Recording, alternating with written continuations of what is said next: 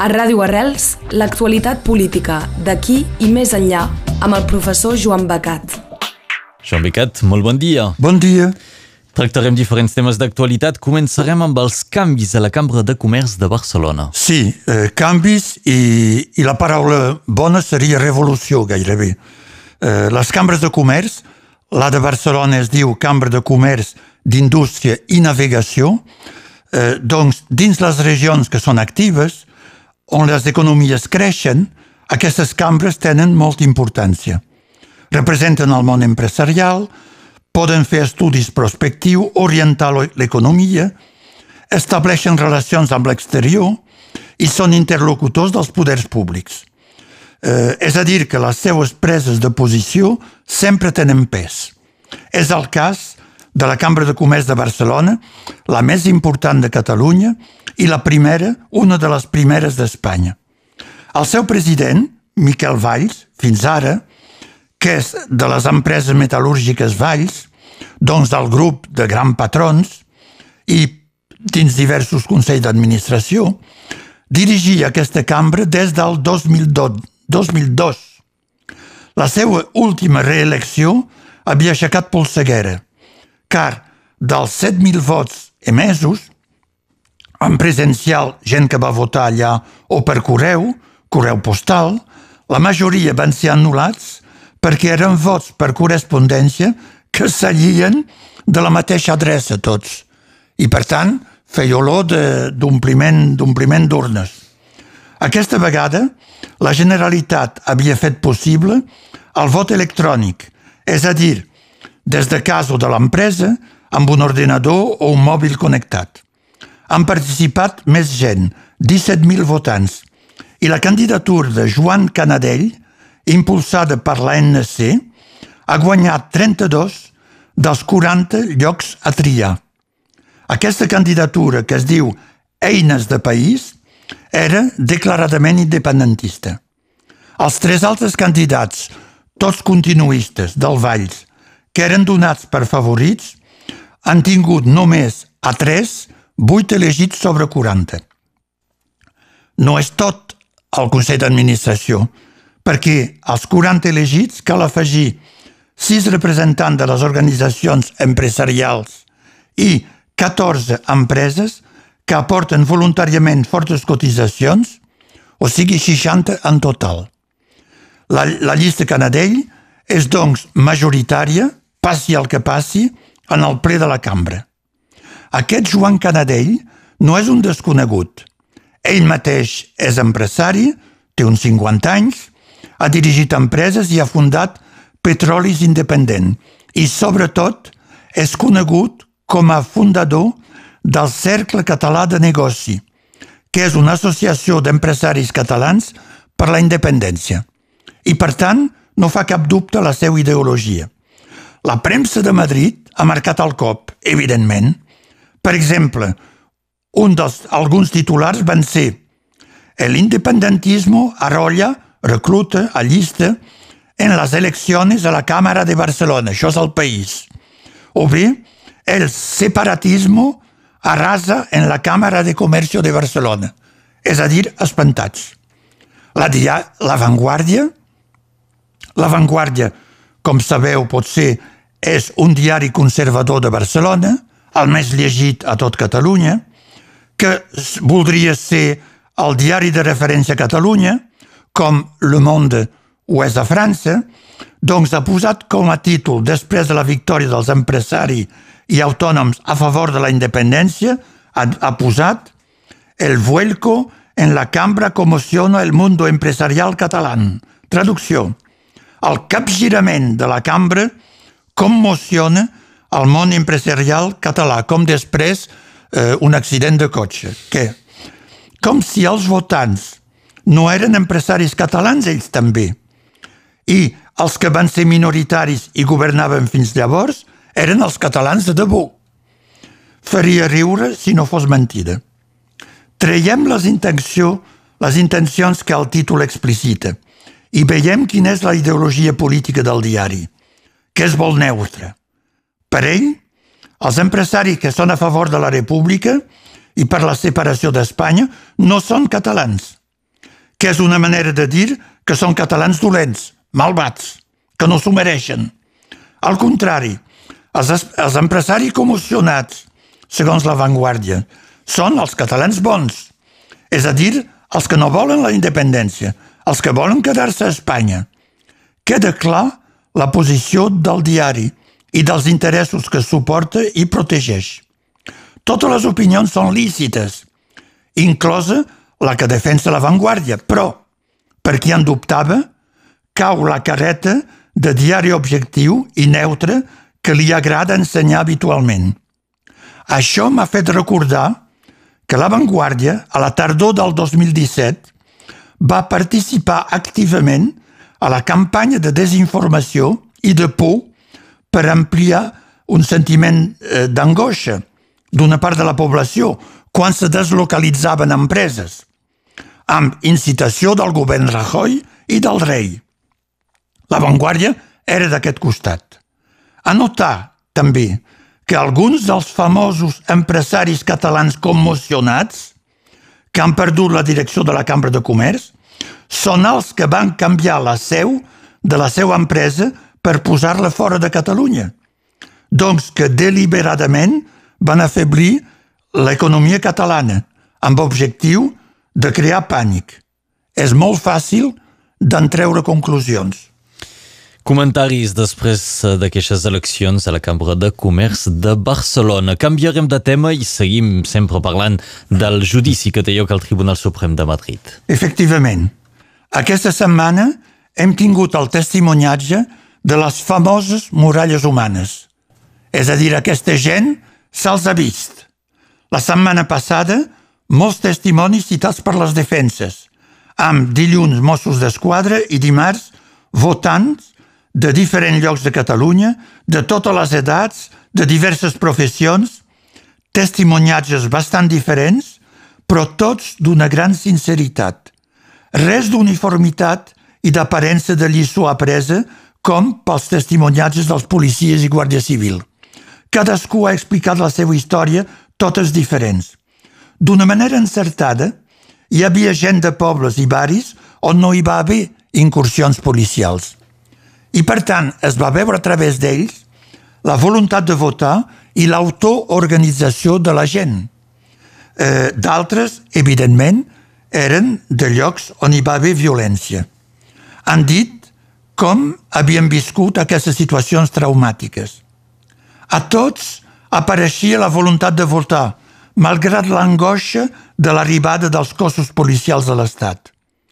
Un va dir que veient les imatges a la televisió i les xarxes socials, persones que coneixia i que pensaven no votar se van desplaçar a la tarda per votar sí.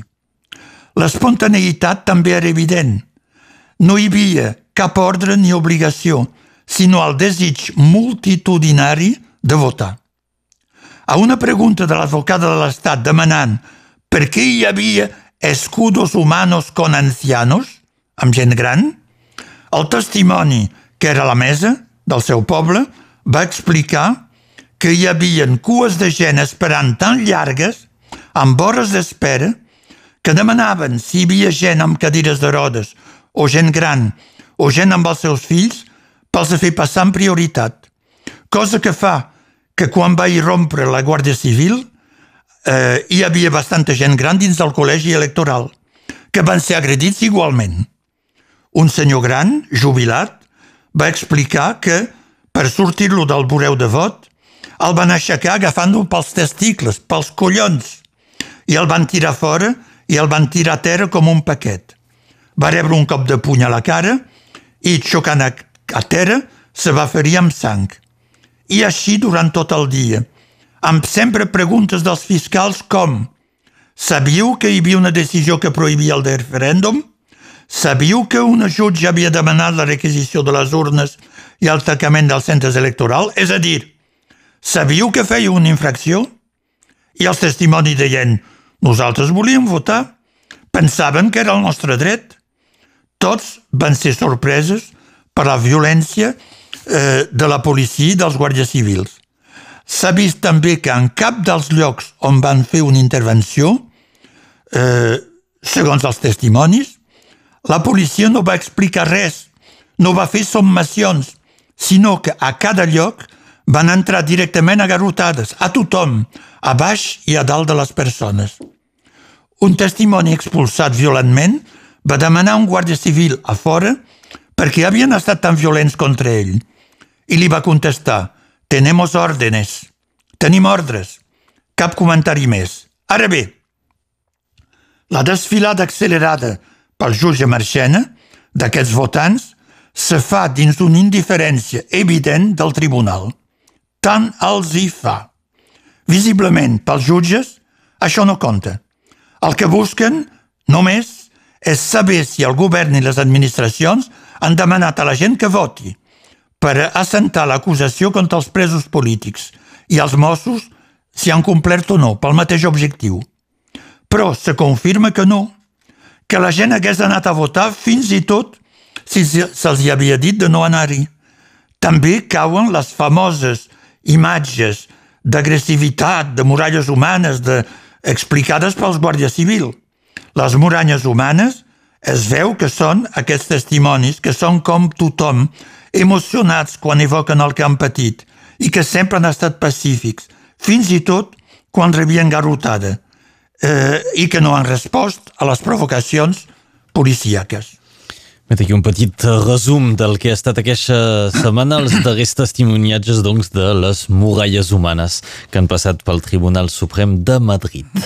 Altre tema, ens vols parlar de la candidatura europea de Puigdemont que qualifiques de vaudeville? Ah, sí, és un vaudeville. Eh? És, una, és una comèdia de boulevard. Eh, qualsevol autor la podria agafar i posar uns guinyols i faria riure tothom. La Junta Electoral i la justícia espanyola s'han cobert de ridícul. Ridícul, una altra vegada. Els fets són simples. Junts per Catalunya ha muntat una llista a les eleccions europees. És el seu dret. Encapçalada per tres polítics a l'exili precisament a Brussel·les, seu de, de la Unió Europea, o sigui, amb el president Carles Puigdemont, Toni Comín i Clara Ponsatí. Tot normal. I és possible perquè Puigdemont i Comín ja se van presentar a les eleccions al Parlament de Catalunya. Se va autoritzar la candidatura i el 21 de desembre del 2017 van ser elegits.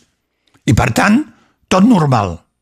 Però, el 28 d'abril d'enguany, fa dues setmanes, l'independentisme guanya Catalunya a les eleccions generals espanyoles.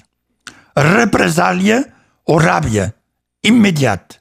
La Junta Electoral Central accepta un recurs contra aquesta llista dipositat pel Partido Popular i Ciutadanos, sempre els dos mateixos. La Junta se reuneix i els declara ineligibles, ells que ja havien estat elegits a altres eleccions espanyoles. Són inelegibles per raons que no consten a la llei ni a la jurisprudència. És incomprensible car, com hem dit, ja se van considerar com elegibles anteriorment, tot i sent exiliats. A més, la Junta no va decidir per unanimitat, sinó per cinc vots contra quatre, dos dels quals eren del propi president i vicepresident, que van declarar públicament que no hi havia base judicial. Era, doncs, una pura operació política contra Carles Puigdemont per li prohibir una audiència internacional. És aquí que es veu que els organismes espanyols són tots polititzats. L'afer no s'acaba aquí. L'advocat Gonzalo Boye, que defensa Carles Puigdemont, diposita un recurs d'anul·lació davant del Tribunal Contenciós Administratiu de Madrid, que normalment jutja els diferents electorals. El fiscal d'aquest tribunal és a dir, el jutge d'instrucció estudia i confirma que no hi ha bases legals i que els tres importats se poden presentar i el cas passa al tribunal per ser jutjat, ja que la instrucció s'ha fet en poc temps. Aquest tribunal, per no mullar-se, ho transmet al Tribunal Suprem i continua el tango o la valsa. A, continu, a, a continuació d'aquest tango, passos endavant, passos endarrere, el Suprem, a qui passen la patata calenta, diu que no és ell de decidir, car la llei atorga aquest paper al Tribunal Constenciós, retour a l'envoyeur, amb, malgrat tot, dos elements importants.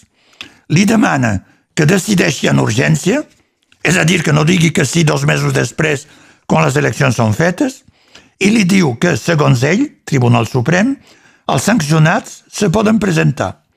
És a dir, que el Tribunal Suprem avala la tesi del fiscal. Evidentment, amb aquesta presa de posició, el Tribunal Contenciós autoritza la candidatura Puigdemont com Ponsatí a les eleccions europees. Com als vodevils de veritat, sempre hi ha una novetat, un rebondissement.